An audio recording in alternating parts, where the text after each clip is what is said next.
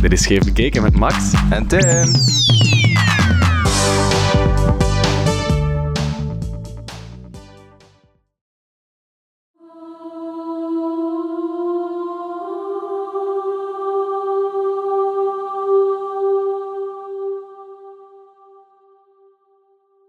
Zeg Tim, wanneer heb jij het laatst gebeden? Nu moet ik een keer pijzen, hè. Ehm, ik denk dat dat in het lager gaat geweest zijn. Ja, dat kan niet anders in het lager. Ik herinner me nog vrij goed wel dat, dat de, de leerkracht godsdienst toen zei... Een, een, gebed is een gesprek met God. En ik had echt geen maten, dus ik moest met iemand klappen. dus eh, ik probeerde dan met God te spreken, maar ik vond dat like, zo raar uiteindelijk. Want ja, wat zit je dan te doen? Een beetje in de lucht te spreken van... Vandaag heb ik in de les gezeten. Want ja, veel meer dan dat deed niet. Mm, en sindsdien heb ik er eigenlijk echt wel echt geen behoefte meer aan, gehad. Waarom vraag je dat? Omdat we gast hebben vandaag in de studio. Bij ons zit Emma Verhoeven.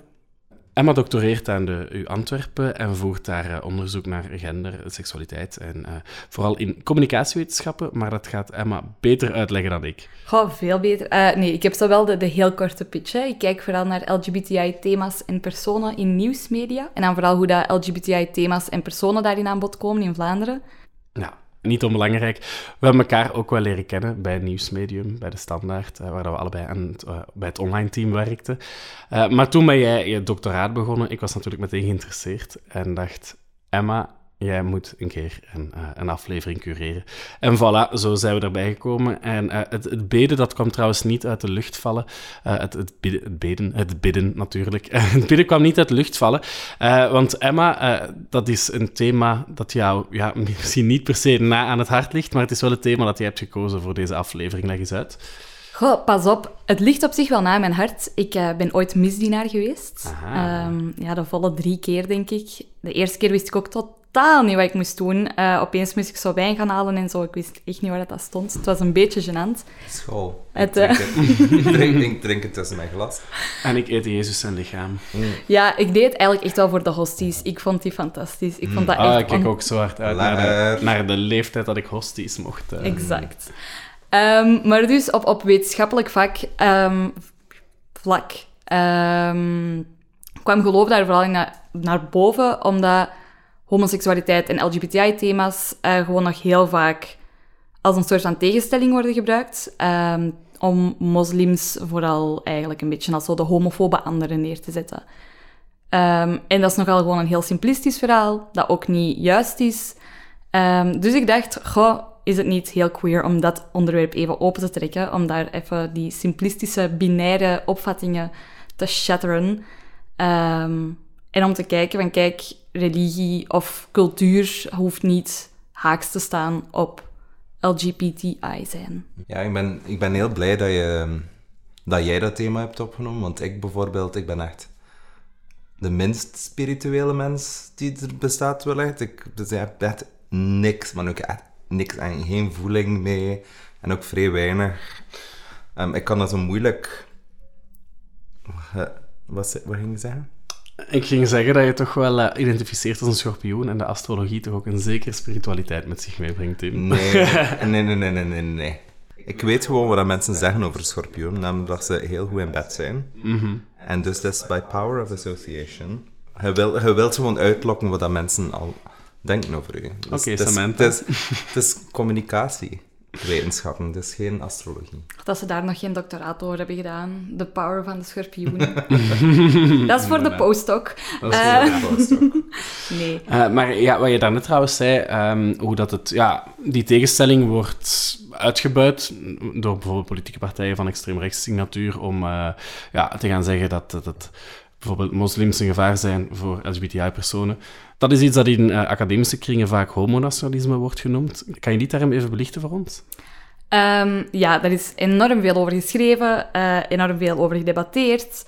En dat gaat er eigenlijk over dat zo sinds 9-11, dus 21ste eeuw, um, in heel veel landen in het Westen um, homoseksualiteit echt als een recht, een verworven recht is geworden.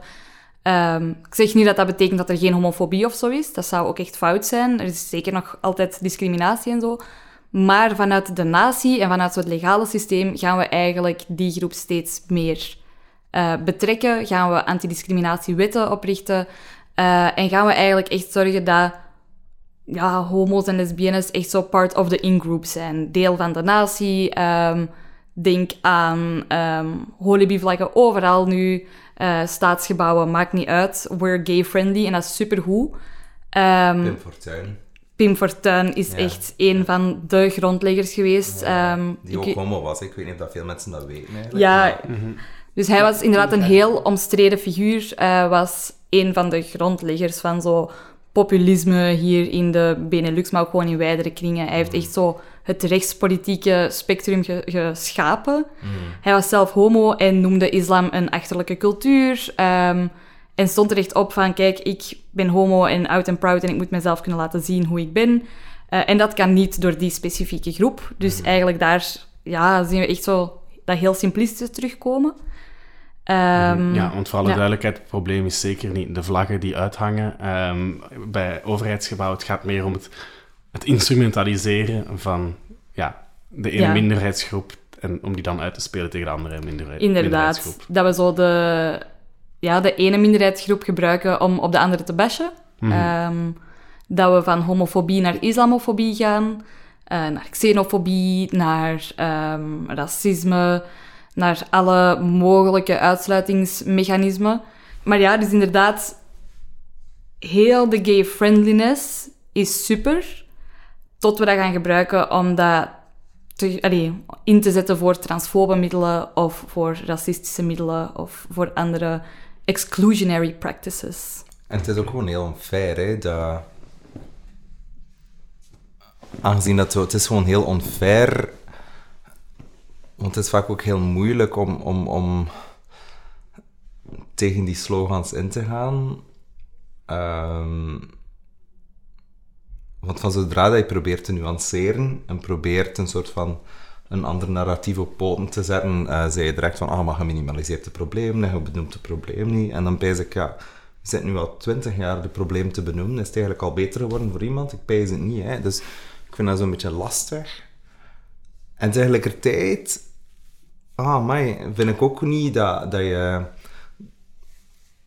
dat je kan volledig meegaan in dat cultuurrelativisme van ja, mensen zijn anders en culturen zijn anders. Like, bepaalde dingen zijn ook gewoon universeel en dat zouden we moeten vieren. En je zit, valt, als, je, als je probeert nuance te brengen in alles, eigenlijk, in zo'n complexe materie, um, dan, dan, dan val je gewoon tussen stoelen. En, het, gesprek dat eigenlijk zou moeten hebben, wordt, wordt gewoon niet gehad.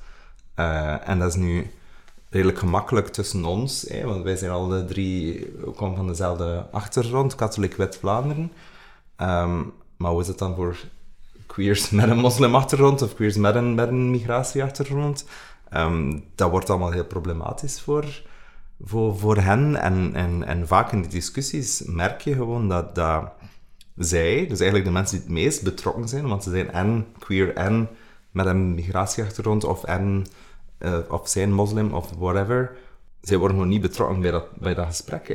Het, gaat, het gaat nergens over hen en het gaat zeker niet met hen. Dus dat is echt immens jammer, gewoon dat we zoveel nuance en rijkheid aan het verhaal missen. Ja, en dat is ook het ding, inderdaad, als het dan over hen gaat, want met hen is al heel wat minder dan zitten we in dat ene narratief van, oh, ik heb moeten kiezen, het ging niet voor mij, het was dit of dat. En dat doet mij gewoon heel hard denken aan andere stereotype beeldvormingen die er zijn. Als vrouw was je, was je vroeger ook, en zeg je in sommige gevallen nog, ofwel de heilige maagd, ofwel zeg je de slets, ofwel zeg je de carrièrevrouw die het toch maar kan bolwerken.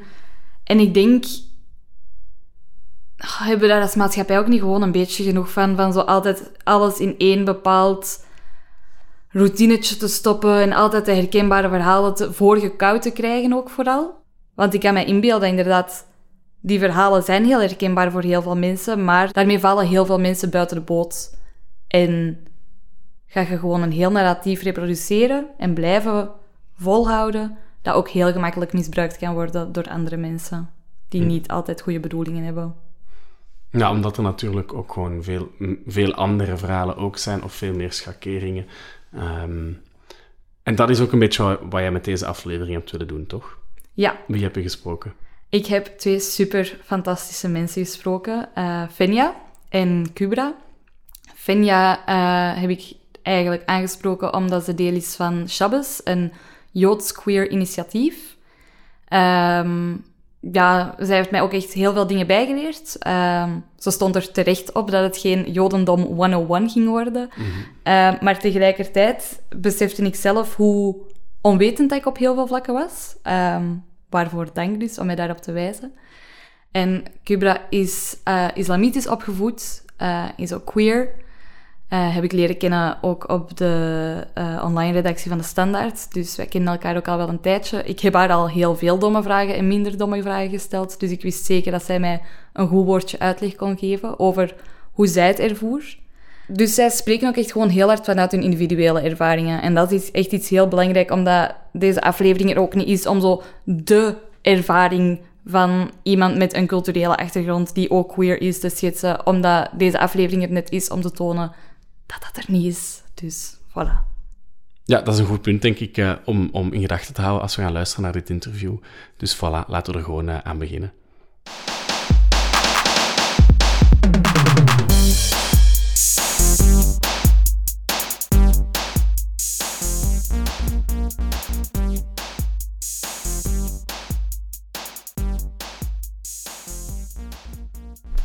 Hallo, eh, ik ben Fenja. Ik ben Cubra en ik ben ehm, journalist bij De Standaard. Ik woon nu al anderhalf jaar in België, maar ik ben eigenlijk in Antwerpen geboren en dan tot mijn 18 jaar eh, hier gewoond. En dan ontsnapt van Antwerpen.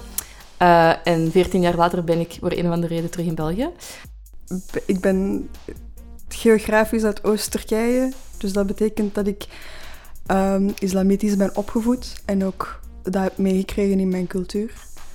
Ehm, en zoals jij ook zei, was dat heel lang heel moeilijk. Of een conflict in mijn brein. ehm, op heel veel vlakken. Maar ik denk ook dat ik nu ook op een punt sta waar dat ik die dingen allemaal een eh, rustigere plaats kan geven. Zowel in mijn leven als in mijn hoofd. Voor mij heb ik nooit een conflict zo ervaren tussen seksualiteit en het jodendom. Dat is, ik heb dat nooit zo beleefd. Dat waren gewoon aparte delen van mij. Maar ik heb wel heel lang... ehm, ja, zo... Was ik niet echt geïnteresseerd in het jodendom. eh, totdat ik naar Engeland ging. En daar vond ik echt zo linkse, antiracistische, anarchistische, queer Joodse community. En dan heb ik gezien van, oh, oké, het kan ook zo. En nu is dat voor mij eigenlijk heel belangrijk. eh, een heel belangrijk deel van mijn identiteit. Voor alle duidelijkheid hebben we het dan vooral over een culturele identiteit of eerder religieus of... Allee, hoe zien jullie dat net? Het is redelijk moeilijk met het jodendom. eh alleen niet moeilijk, het is gewoon anders. Want je kan atheïst zijn en 100% jood. Ehm, als je moeder... Allee, in de meer orthodoxe stromingen, conservatieve stromingen... eh, als je moeder joods is, dan zijt je joods. In liberale of meer progressieve bewegingen kan gewoon een van je ouders jood zijn. Dus eh, je kan heel cultureel jood zijn en niet in God geloven. Dus eh, je kan verschillende like festivals, of ik weet niet hoe je dat in het Nederlands zegt, doen.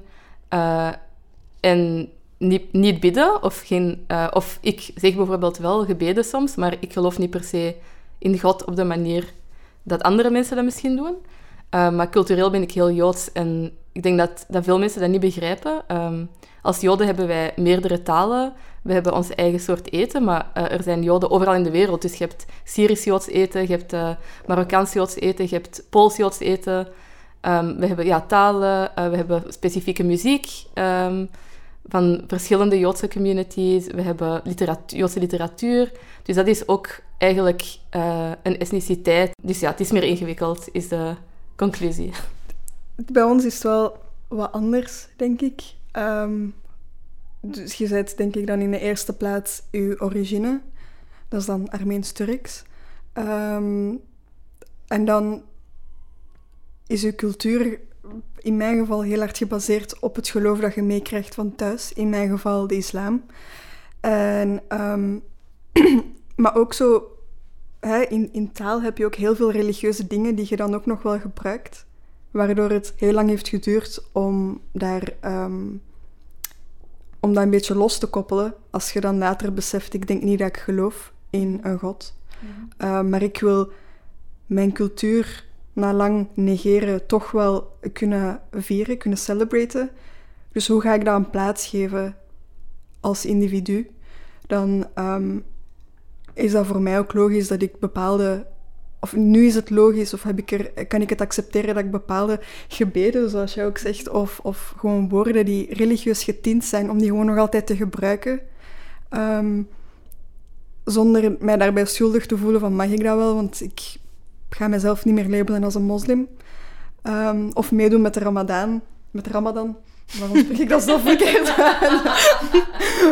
wow. Meedoen met de ramadan. meedoen met de Ramadan. Als je ook niet meer gelovig bent, is ook eh, een heel moeilijk proces. Vooral om dat uit te leggen aan andere mensen. Um, Wacht, dus je doet wel mee met de Ramadan? Ik doe wel mee met de Ramadan en ik vier suikerfeest. Maar ik doe dat niet als moslim. Ik doe dat gewoon omdat ik, dat, omdat ik het spirituele, omdat ik de, de spirituele ervaring die daarbij komt, mhm. zo mooi vind. Maar ik ken heel weinig mensen die, die ook op die manier denken. Dat, dat mis ik wel. Ja, en dat is dan eigenlijk iets van, ja, dat jij met Shabbos dan wel hebt? Of zitten daar dan wel meer mensen die ook wel gelovig Joods zijn? Of, of hoe, hoe werkt dat daar dan juist? Um, ja, het idee van gelovig zijn, dat, dat werkt ook gewoon niet uh, in het Jodendom. Dat is weer zo'n frame dat ergens anders vandaan komt. Dus um, in onze groep doen wij bijvoorbeeld... Dus Shabbat is zo... Uh, iets dat, dat, dat Joden elke vrijdagavond en zaterdag doen, maar um, wij doen dat op onze eigen manier. Dus voor ons is dat samenkomen. We zeggen een aantal gebeden, we eten samen. En het, voor ons... Ah, ik zal de achtergrond uitleggen. Uh, uh, de, de naam van onze groep is Shabbos 24-7. Um, en het, het idee van Shabbos is dat je eigenlijk niet mocht werken en je mocht niks doen. Je moet rusten, je mocht niet koken, je mocht geen licht aandoen. Uh, je mag ja, je moet gewoon rusten en met je community en familie zijn. En voor ons is dat, was dat eigenlijk zo'n heel anticapitalistisch idee van we, moeten gewoon samen zijn en, en genieten van samen zijn. En, um, en daarom willen wij dat het dus 24-7 uh, eh, zo is. Uh, maar ook onze eerste meeting was op 24 juli, dus dat was per ongeluk, uh, 24-7. maar dus ik vind ook, zoals Kubra al zei, van die rituelen, of dat ik nu geloof in God op de manier waarop die beschreven staat, of niet. Die rituelen vind ik heel speciaal en die wil ik nog altijd doen. Um, en dat heeft heel veel betekenis voor mij. En ook het idee dat mijn voorouders dat al duizenden jaren doen. Um, wij passen dat gewoon aan om dat op onze eigen manier te doen. En um, wij doen ook andere feesten.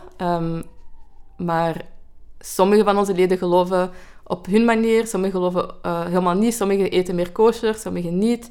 Dus we hebben echt een mengeling en we zijn open. Maar wat ik moeilijk vind, is dat de, de synagoge waar ik naartoe ging toen ik klein was, ik vind de rituelen en uh, de gezangen en hoe dat dingen daar gebeuren gewoon heel mooi en spiritueel echt heel... Uh, ja, ik, ik, heb daar echt, ik voel daar een connectie bij. En als ik dan zo bij liberale of progressieve synagogen ga, dan, dan voel ik dat dat meer zo... Dat, daar, ik voel daar geen connectie mee, maar politiek gezien veel meer. Dus het is zo een beetje moeilijk om ik, ik, wil, ik wil ook het conservatieve of traditioneel helemaal niet verwerpen. En ik wil dat... Ja, ik vind dat de tradities ook heel mooi zijn. Dus voor mij moet dat niet verworpen worden. We kunnen ons, daar onze eigen versie van maken. Oké. Ja, dat is ook gewoon een heel queer kijk erop. Hè? Als we dan terug even trekken op seksuele oriëntatie... Um, als je kijkt naar bijvoorbeeld, hè, ik ben homo en moslim, dat verhaal wordt heel vaak gebracht als ik heb moeten kiezen. Um, wat vinden jullie daarvan? Ik denk ten eerste dat we echt heel hard moeten oppassen met wie zegt die dingen en waarom, ze, waarom worden die soort van, zeg je dat, narrative, narratieven? Uh, waarom worden die gebruikt? Um, en ik denk dat het heel duidelijk is, als we kijken naar de grootste partij bijvoorbeeld in Vlaanderen nu, dat dat compleet gemanipuleerd wordt. Zo het idee van, wij zijn allies voor de queer community, en wij gaan die beschermen van de moslims, we gaan die beschermen van bruine mensen. Ik denk dat die vraag dat we daar heel hard mee moeten oppassen, want het wordt echt wel gebruikt uh, voor islamofobe doeleinden. En ik denk dat we heel duidelijk moeten maken dat queer zijn dat we het homonationalisme moeten verwerpen. En ik denk dat in België vooral zie ik dat queer communities absoluut niet in solidariteit staan met geracialiseerde mensen. Of met uh, mensen die bijvoorbeeld moslim zijn, of joods, of hindoe, of whatever. En dan, ja, dan, moet, dan voelt het misschien alsof je moet kiezen. Want als je naar een queerspace gaat, is dat helemaal gemaakt rondom een, een wit-christelijk idee van queer zijn. En dus een beetje de verantwoordelijkheid niet bij ons zetten, maar bij de queer community en ook bij de niet-racialized communities. Want um, ja, dus ik wil gewoon de basis van die vraag een beetje uh, aankaarten, maar um, ook even zeggen dat de reden waarom er zoveel homofobie is in uh, de Global South is door de christelijke wereld, vooral. En veel van de homofobie die hier bestaat, is ook door het christendom. Dus ook even het idee van de neutraliteit van het christendom en het zijn die daar die homofoob zijn, is, moeten we ook uh, challengen. ik weet niet hoe je dat in Nederlands zegt. Ik zal daar stoppen. Uitdagen. En, uitdagen, ja. Um, en dus gewoon over mijzelf, ik heb daar nooit een conflict mee gevoeld. Ik weet dat er bepaalde dingen zijn die ik niet voor uh, in, in bepaalde ruimtes ga doen, maar het idee dat ik altijd 100% hetzelfde moet zijn in elke ruimte, vind ik ook redelijk raar voor mij. Want ik denk dat we verschillende aspecten van de persoonlijkheid in verschillende ruimtes, uh, dat die meer naar buiten komen. En ik vind dat helemaal oké. En hoe was dat bij u, Cubra? Um, qua beeldvorming heeft, heeft wat je beschrijft mij wel beïnvloed als tiener, denk ik. Dat toen ik zo, ja, inderdaad verhalen zag van ik ben moslim en ik ben uh, gay, dus ik kan niet, allez, ik moet een van de twee kiezen.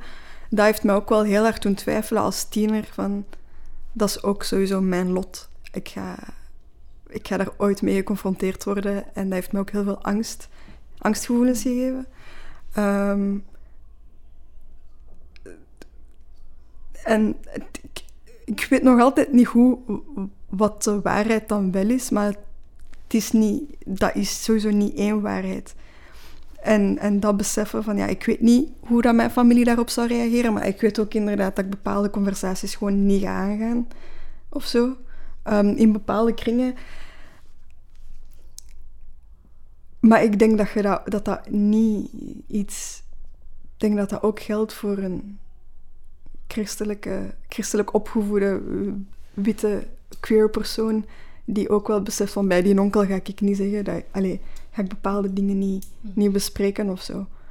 Um, en ik ben het voor de rest wel eens met dat die, dat die beeldvorming enorm gevaarlijk is. Niet alleen voor ons als samenleving, maar ook gewoon voor heel veel um, queer mensen uit, um, uit uh, minderheidsgroepen um, die, die niet weten hoe dat ze dat moeten aanpakken.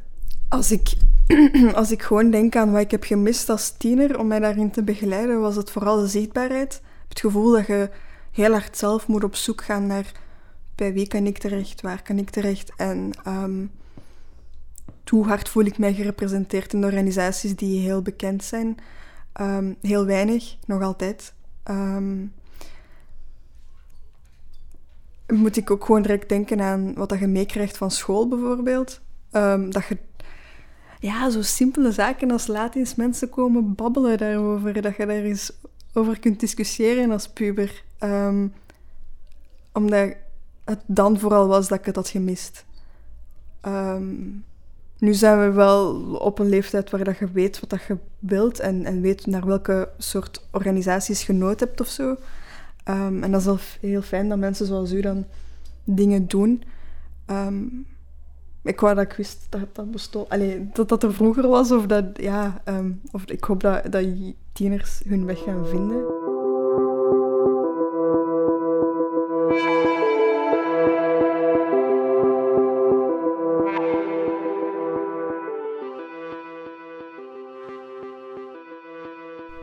Ook nog een deel was van die solidariteit dat je heel graag wou bespreken. En wat ik ook snap, omdat ja, dat is ook iets waar ik echt mij recent ook nog maar pas heb ingelezen, is zo die, dat antisemitisme in linkse kringen.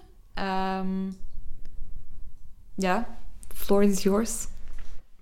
Waar begin ik? Um, ik denk, dus antisemitisme uit zich heel anders dan andere vormen van racisme. Omdat Joden worden uh, beschreven als meer machthebbende, slimmer dan anderen. We hebben meer geld, we, zijn, we hebben meer connecties. Terwijl de andere vorm van racisme zegt je van, oh, die persoon is dommer of die is, weet ik veel, eh, gewoon veel negatiever. Dus het wordt vaak, dus er wordt mij af en toe zo een compliment gegeven, zoals, ah, maar Joden zijn echt wel, wij willen ook meer als Joden zijn, jullie hebben veel geld. En dan moet ik dat zo als compliment nemen. Ehm, dus ik denk dat dat daardoor niet echt wordt herkend. Ten tweede, in België is er ook dat idee van de Joden zagen altijd. Het is weer iets, de Joden zijn weer kwaad. Ehm, en zo totaal geen begrip voor het feit dat tienduizenden mensen in België gecollaboreerd hebben en onze grootouders hebben vermoord. Dus wij wonen nog in het land waar veel buurmensen, de kleinkinderen van buurmensen, onze grootouders gewoon... 6 miljoen van onze grootouders hebben naar de kampen gestuurd zonder te knipperen. Uh, onze grootouders en onze ouders leven met dat trauma nog altijd. Dus ik denk dat die context totaal niet begrepen wordt, ten eerste. Ja, dat is ook gewoon een heel gemakkelijke tactiek om, om te invalideren. Hè? Van, ah ja, het zijn ja. weer de joden die zagen, het zijn weer uh, de transpersonen die op hun tenen getrapt zijn. Um, dus ik denk dat er heel veel parallellen zijn. Dat dat eigenlijk voor heel veel mensen wel heel herkenbaar moet klinken, maar dat dat gewoon gemakkelijk is om daar niet naar te kijken of niet naar te willen kijken. Maar dan dat, voelt je jezelf toch ook heel hard zo van... En na een tijd ga je ook gewoon geloven dat je te snel op je tenen getrapt bent en um, dat je wel weer aan het overdrijven bent. Dat je gewoon beter de volgende keer zwijgt. Waardoor dat wij ook, als mensen die die gevoeligheden wel hebben, gewoon mm.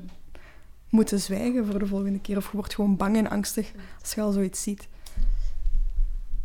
Ja, ik herken dat 100 wij internaliseren dat ook van... Oh, ik heb... Oké, I made a big deal en, dat ga, en, ik, heb, en ik heb weer uh, een situatie gecreëerd en nu gaat, gaan mensen denken dat Joden altijd zagen. Oh, ik had dat beter niet gezegd. Want dat is zo de catch-22, hè. Van, als ik iets zeg, de Joden zagen weer... Dus dan moet ik beter gewoon niks zeggen, maar dan blijft het voortgaan. Um, en ja, dat is eigenlijk een beetje gaslighting van... Alleen, maar dat is helemaal niet zo erg. Like, waarom overdrijft je nu weer? Wat is er nu weer? En dan, ja, geïnternaliseerd dat. En de enige manier voorbij uh, om daar over te geraken was met andere Joodse mensen te praten en van, oh shit, dit is echt wel een probleem het is oké dat dit mij frustreert. En niet enkel Joodse mensen, maar ik heb uh, ook geracialiseerde vrienden, like vrienden van kleur, die dat ook heel goed begrijpen. En dat, dat is zo heel validating, um, vind ik. En natuurlijk heb ik ook witte vrienden die dat, die dat ook snappen, hè, maar um, ja, ik denk dat dat belangrijk is. En als, en als wij uh, witte queers aan onze kant hadden, die zouden zeggen van, hey, dit is een probleem, voordat wij dat zelf zeggen, of die met ons inchecken van, wilt je dat Misschien eerst met ons inchecken eigenlijk, maar van, was dat oké? Like, zouden wij er iets van zeggen? Um, dan zou ik dat heel leuk vinden. Uh, maar het gebeurt gewoon niet, dus voilà. Ja, wat je ook aankaart is eigenlijk, als dan queer Joods persoon of als Joods persoon of als uh, moslim zeg je al heel snel een boegbeeld van uw gemeenschap. En dan moet je direct al... Allee, wat jij zegt, is dan waar voor heel die gemeenschap? Is dat ook iets wat je dan merkt in, in queer Joods of queer Islamitisch? Of, of ja, jullie achtergronden daarin? Dat je heel je gemeenschap representeert, bedoelt je? Cubra knikt instemmend. ja, ja. Uh, um, uw mening is dan gewoon de waarheid. En dat is ook mega beangstigend, want weet ik veel hoe dat iemand anders daarover denkt. Misschien vindt iemand anders dat helemaal niet kwetsend of ligt hij daar niet wakker van. Je is gewoon geen individu, hè. Mhm. Dat is het probleem. Ja, uh, eh, 100 procent.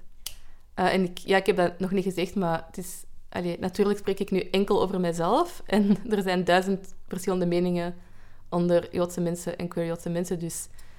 Maar als je in een minoriteit bent, dan heb je het recht niet om een individu te zijn. Dat is gewoon... In jullie zien staat ook een uh, paar pagina's met You are Jewish enough, You are queer enough, You are Belgian enough. Wat bedoelen jullie daar net mee? Mensen in onze groep die bijvoorbeeld enkel een Joodse vader hebben, die dan vaak niet als Joods genoeg werden beschouwd, of bij mijzelf iets van, oh, ik ken die tradities niet genoeg, of ik ken de taal niet goed genoeg, of weet ik veel. En dan op school uh, werd ik ook als anders beschouwd omdat ik Joods was. Of ik kreeg dan commentaar die het duidelijk maakte over antisemitische comments af en toe, die duidelijk maken voor mij dat ik eigenlijk ook niet Belgisch of Vlaam, quote-unquote Vlaams genoeg ben. Ehm, ja, of uh, queer genoeg. Ik bedoel, ik denk dat veel mensen zich niet queer genoeg voelen. Uh, vooral allee, op een jongere leeftijd, of soms oudere leeftijd ook. Dat is wel een beetje universele ervaring. Um, ik denk dat queer spaces hier ook niet per se heel verwelkomend zijn, uh, in vergelijking met Engeland. Um, dus ja, bon. En mm, heb jij ook dan u telkens als je zo werd benoemd van, je zei, zei maar zet je wel Vlaams, maar zet je wel queer? Maar, eh, heb je het gevoel dat je u dan... Sorry, ik ben nu een vraag aan het stellen. Nee, doe. Um, heb je dan het gevoel dat je u ook zo dan continu in een bepaalde... Werd je dan continu in een bepaalde richting gestuurd om dan later te beseffen van, ben ik dit wel? Zo van, ah, ik heb nu een deel van mijn bepaalde identiteit opgegeven, van mijn Turkse identiteit opgegeven om er Vlaamser uit te zien, of, of mij Vlaamser te gedragen, wat dat ook mag betekenen. Maar nu heb ik wel iets gedropt dat ik nu moet inhalen, omdat ik dat blijkbaar toch belangrijk vond. Want ik denk dat dat bij mij wel vaak is gebeurd als ik zo... Eh, pak nu de Ramadan opnieuw als voorbeeld ik deed dat omdat je dat van thuis uit krijgt en dan word je daarop beoordeeld van uh, je eet de hele dag niet, waarom? Dus dan stopt je daar gewoon mee en dan stoot je je religie helemaal van je af. Ah, ik het toch. Omdat je denkt, hmm, dat maakt mij minder Vlaams. waardoor ik dan heel veel spijt heb dat ik een hele periode dat zodanig heb genegeerd of ontkend, dat ik dat nu aan het inhalen ben om, om mijn identiteit weer op, op te bouwen zoals ik eigenlijk denk dat die is. Dus op die manier wel, ja, ben ik nooit altijd genoeg geweest. Ik, herken het idee wel van het zo later te moeten, terug te moeten opbouwen. Um, dus dat is pas na mijn 18 dat ik waarschijnlijk in, vroeg in de 20 dat ik pas uh, comfortabel was om te zeggen van ah, ja, ik ben Joods en dat is belangrijk voor mij. Uh, omdat ik nooit echt een groep had gevonden waar ik comfortabel bij, mij comfortabel bij voelde. Um, en zo het idee van een queer Joodse groep, dat, ja, dat is ook nog maar een anderhalf jaar, twee jaar dat wij bestaan. Dus dat is ook... Ik heb, allee, ik, heb nog nooit bij een andere queer Joodse groep gezeten. Dat bestond ook niet. Uh, ik, was, ik, ik wist niet van het bestaan daarvan toen ik in Engeland was, maar waarschijnlijk bestaat het wel. Um, dus ja, hoe meer dat ik... Hoe ouder dat ik word, hoe meer dat ik, dat, ik me heel comfortabel voel in al die identiteiten en dat ik die niet moet uh, afsplitsen. Ja. Um, ja, als ik zo aan het googelen was over deze podcast, dan kwam ik wel heel veel verhalen tegen van biseksuele rabbijnen, transrabbijnen, vooral dan in Amerika. Um, en dat wekt zo toch het beeld van een homovriendelijkere religie in Jodendom. Hebben jullie een idee hoe dat, dat komt? Maar ik denk niet per se dat allee, dat, uh, dat het Jodendom uh, meer uh, vriendelijker is. Er zijn weer 2000 verschillende Joodse stromingen. Dus sommige wel, sommige niet. Die, die meer conservatief zijn wel, die minder niet. Dus hangt er echt vanaf. Um, wat, wat ik moeilijk vind, is zo die... Hoe zeg je dat? Um, de dichotomie die gecreëerd wordt tussen religieuze orthodoxe Joden slecht uh, liberale, aangepaste, geïntegreerde joden goed. Uh, zoals in uh, Unorthodox, die, die, serie, hoe dat je ziet van vreselijk leven, het is allemaal donker en, en slecht en oppressive. En dan gaat ze naar Berlijn en alles is ineens goed, yay! En ze heeft toffe Joodse vrienden die aangepast zijn en zoals ons. Dus de waarheid is veel genuanceerder. je hebt heel religieuze Joden die, compleet die wel like, feministisch zijn of gay-friendly. Er zijn er die dat niet zijn. er, er zijn er die, die, meer, die minder religieus zijn, die super homofoob... Allee, het is veel meer ingewikkeld dan dat. En ik heb ook helemaal geen zin om, om daarop in te spelen dat er sommige goed zijn en sommige slecht. Want er zijn veel, veel positief... Mijn grootouders waren, uh, komen van kleine dorpjes in Polen waar die heel religieus zijn opgevoed. Um, en ik ga dat helemaal niet verwerpen. voor mij is dat ook heel mooi. Dus dat is uh, mijn, mijn speech daarover. Ehm, maar inderdaad, er zijn in België niet, maar in andere plaatsen, vooral Noord-Amerika, in Engeland ook een beetje, heb je eh, vrouwelijke rabbijnen, heb je transrabbijnen, rabbijnen van kleur, etc. In België is het nog redelijk conservatief, ehm, maar bijvoorbeeld in Nederland al veel minder. Dus het hangt ook van de, gewoon van de context af. Ja, ja dat is... Amai, dat is exact hetzelfde voor mijn kant van het verhaal, denk ik. Ehm, er zijn ook steeds meer vrouwelijke imams. Niet in België, niet dat ik weet, maar wel in Duitsland en Frankrijk bijvoorbeeld. Ehm, en zelfs in Brussel zie ik hier en daar dingen bewegen op vlak van hoe dat je religie combineert met je geaardheid. Dus van heel kleine collectiefjes. Ehm, maar je kunt niet zo'n uitspraken doen als Joden accepteren dat meer dan moslims, denk ik. Dat, dat gaat gewoon niet. Op wat is dat zelfs gebaseerd? Op basis van één transrabijn? Ik weet het niet. Um...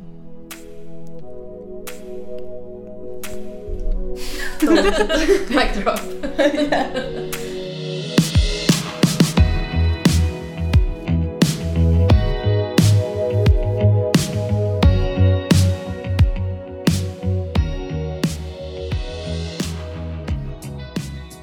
Als ik nu een persoonlijke vraag mag stellen, jullie culturele achtergrond en queerness, hoe speelt dat in jullie persoonlijke relaties?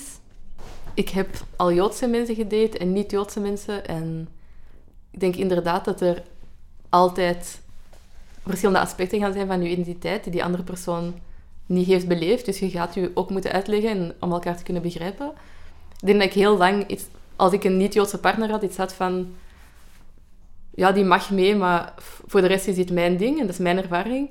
Um, maar ik begin nu meer te denken van, als ik iemand date die niet Joods is, dan moet hij de basis kennen en die moet tenminste uh, niet antisemitisch zijn. Dus op elke eerste date dat ik ooit ben gegaan, gaan we het over antisemitisme hebben en, en over het feit dat ik Joods ben, want anders is het not gonna happen. Uh, ik heb geen zin om dat later als verrassing te ontdekken. Um, dus dat is wel belangrijk voor mij, ja. En dus ik denk er nu meer, meer aan om ja, eh, een partner wel mee te nemen naar zo'n dingen. Um, maar ook relaties met vrienden bijvoorbeeld.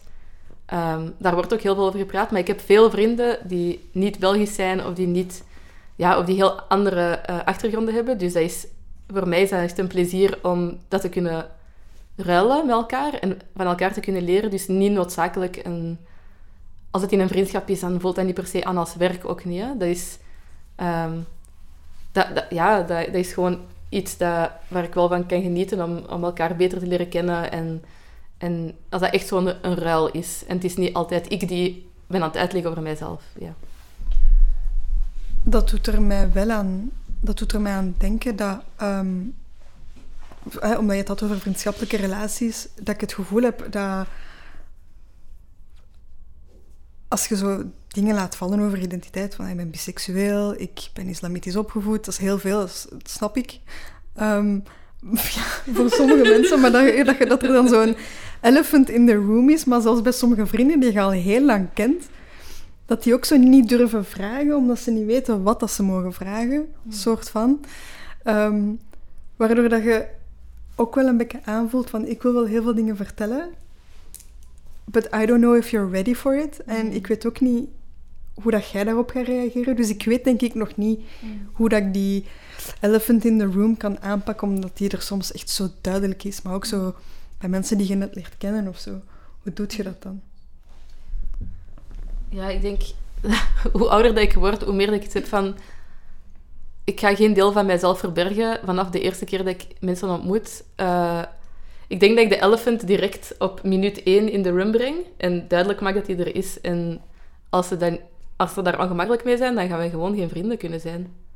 En ik heb heel veel mensen gevonden waar ik... Ik heb ook geen vrienden meer van het middelbare. Dus ik denk dat dat ook misschien een verschil maakt. Maar alle vrienden die ik nu heb, zijn daar wel comfortabel mee. Want over die vragen... Welke vragen zou je willen dat ze stellen? En welke heb je zoiets van waarom moet dit? Dat zal, dat zal afhangen van wie dat die vraag komt. Maar... Of ja, misschien is die bewustzijn er gewoon ook nog niet bij iedereen, maar ehm,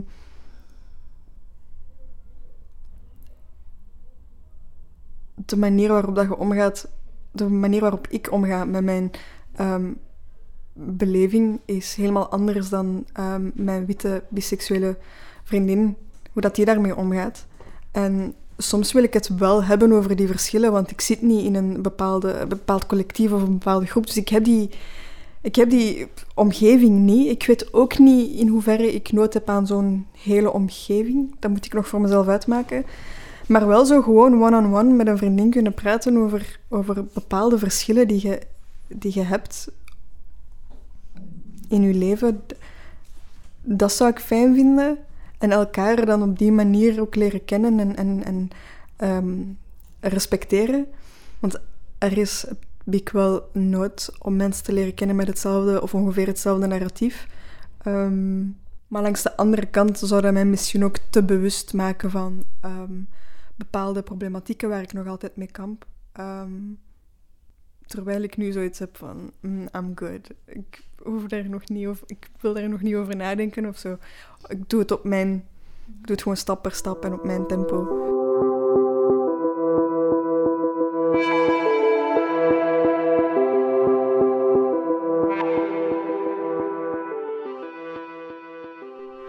En Emma, we zijn nu weer, ja, toch alweer een paar weken verder sinds het interview heeft plaatsgevonden. Hoe kijk je erop terug? Um, heel tevreden. Ik wist totaal niet welke vorm dat, dat ging aannemen. Um, en ja, dat is het lastige, want ik snap ook wel, als je aan de andere kant zit, wilt je weten wat dat ze ongeveer van je verwachten. Maar dat was het ding. Er is, er is gewoon nog heel weinig geweten dat niet in zo'n één narratief past. Dus ik ben gewoon heel blij om hun verhalen, hun ervaring te horen. Om, ja, gewoon te mogen luisteren in plaats van echt puur te vragen. Um, dat vond ik heel fijn. Was het moeilijk om, om dat gesprek aan te gaan? Had je soms schrik om bepaalde vragen te stellen, bijvoorbeeld? Eigenlijk niet. Terwijl ik daar op voorhand wel meer schrik voor had. Omdat er net zo'n soort van gevoeligheid is om vragen te stellen. En wat kan wel en wat kan niet. Uh, maar dan waren Fenja en Cubra gewoon de beste gidsen mogelijk. Die mij heel persoonlijke dingen hebben toevertrouwd ook. En uh, waarin dat we allemaal gewoon een beetje konden navigeren wat kon en wat niet kon. En, en tot waar dat we wilden gaan. Um, dus ja, het is net die openheid dat we soms wat missen. Dat vragen durven stellen. Um, als het tenminste niet de zoveelste vraag is over hetzelfde onderwerp dat je ook kunt googelen. Ja, of ehm, dan daarna gewoon stellen dat iemand dan zegt... Ja, deze vraag heb ik al zo vaak geantwoord, om dat gewoon te aanvaarden en dat in te slikken en dat niet te zien als kritiek, bijvoorbeeld. Ja, zeker en vast. Ik heb echt soms ook uh, mezelf dingen afgevraagd waarvan ik dacht, eigenlijk is het gewoon een beetje schaamtelijk dat ik niet weet waarvoor dat Pesach bijvoorbeeld staat. Of allee, dat ik Jodendom soms vergis van cultuur naar religie, naar dit, naar dat. Um, maar dat is oké, je kunt niet alles weten. En dat is ook logisch. En als je daar gewoon voor open staat en zelf wat wilt bijleren en dan eventuele kritiek van, ja, maar dit is echt wel Jodendom 101, om het zo te zeggen ja, dan moet je dat ook inderdaad kunnen, gewoon kunnen verdragen.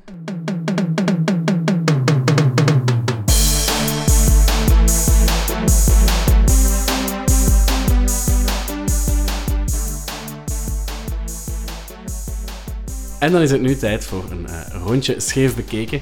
Daarin nemen we iets dat uh, niet queer is, maar het eigenlijk wel kan zijn. En uiteraard ja, geven we de microfoon door aan Emma in deze aflevering. Dus Emma, wat heb jij scheef bekeken? Voordat ik er echt nog veel uitleg bij geven, ga geven, gewoon zo Furbies. What's that? Me up, it's my Furby. Furby loves you touch. Tickle me. Furby, the first Gigapet oh, you pet. Go ahead, pet me. Teach to say her name. Me, Noodle. Play games. Peek, bab, boo. And love you back. Uh-oh, achoo. Your Furby sneezed. Achoo. And gave mine a cold. Furby loves you Mmm, love it. Ja. Leg uit. Ja, gewoon alles. Um, eerst en vooral gewoon look. Camp. Perfect. Alle kleuren van de regenboog. Creepy eyes. Uh, dat stemmetje. Ik weet niet of al onze luisteraars, ik hoop het, maar ik ga toch even de noob zijn en zeggen: wat is een Furby? Hoe leg je dat uit? Hoe leg je het concept van een Furby uit? Ehm, Evil. ja, sommige mensen noemen het evil, sommige mensen noemen het cursed. eh, sommige mensen zijn eh, zeer begane collectors. Ehm, een Furby is een soort van eh, fur baby, denk ik dat het voor staat. Maar don't shoot me als het fout is. Dus dat is een soort van klein popje. Eh, ik denk, ja, kleiner dan uw onderarm. Ja, veel kleiner dan uw onderarm. Ik weet niet, hoe- even groot als uw hoofd. ja, Ehm, ik denk echt dat heeft Twee Furby. oogjes, een snavel, een harige pels en eh, zegt van die heel enge dingen en doet zijn oogjes, nee, hun oogjes, want Furby is certified non-binair, ehm, doet hun oogjes zo heel vaak open en dicht en begint dan tegen u te praten. Ik weet niet of dat je hier een geluidsfragment kunt indoen van een Furby die praat, maar dat is echt wel des duivels. Ik ga dat proberen.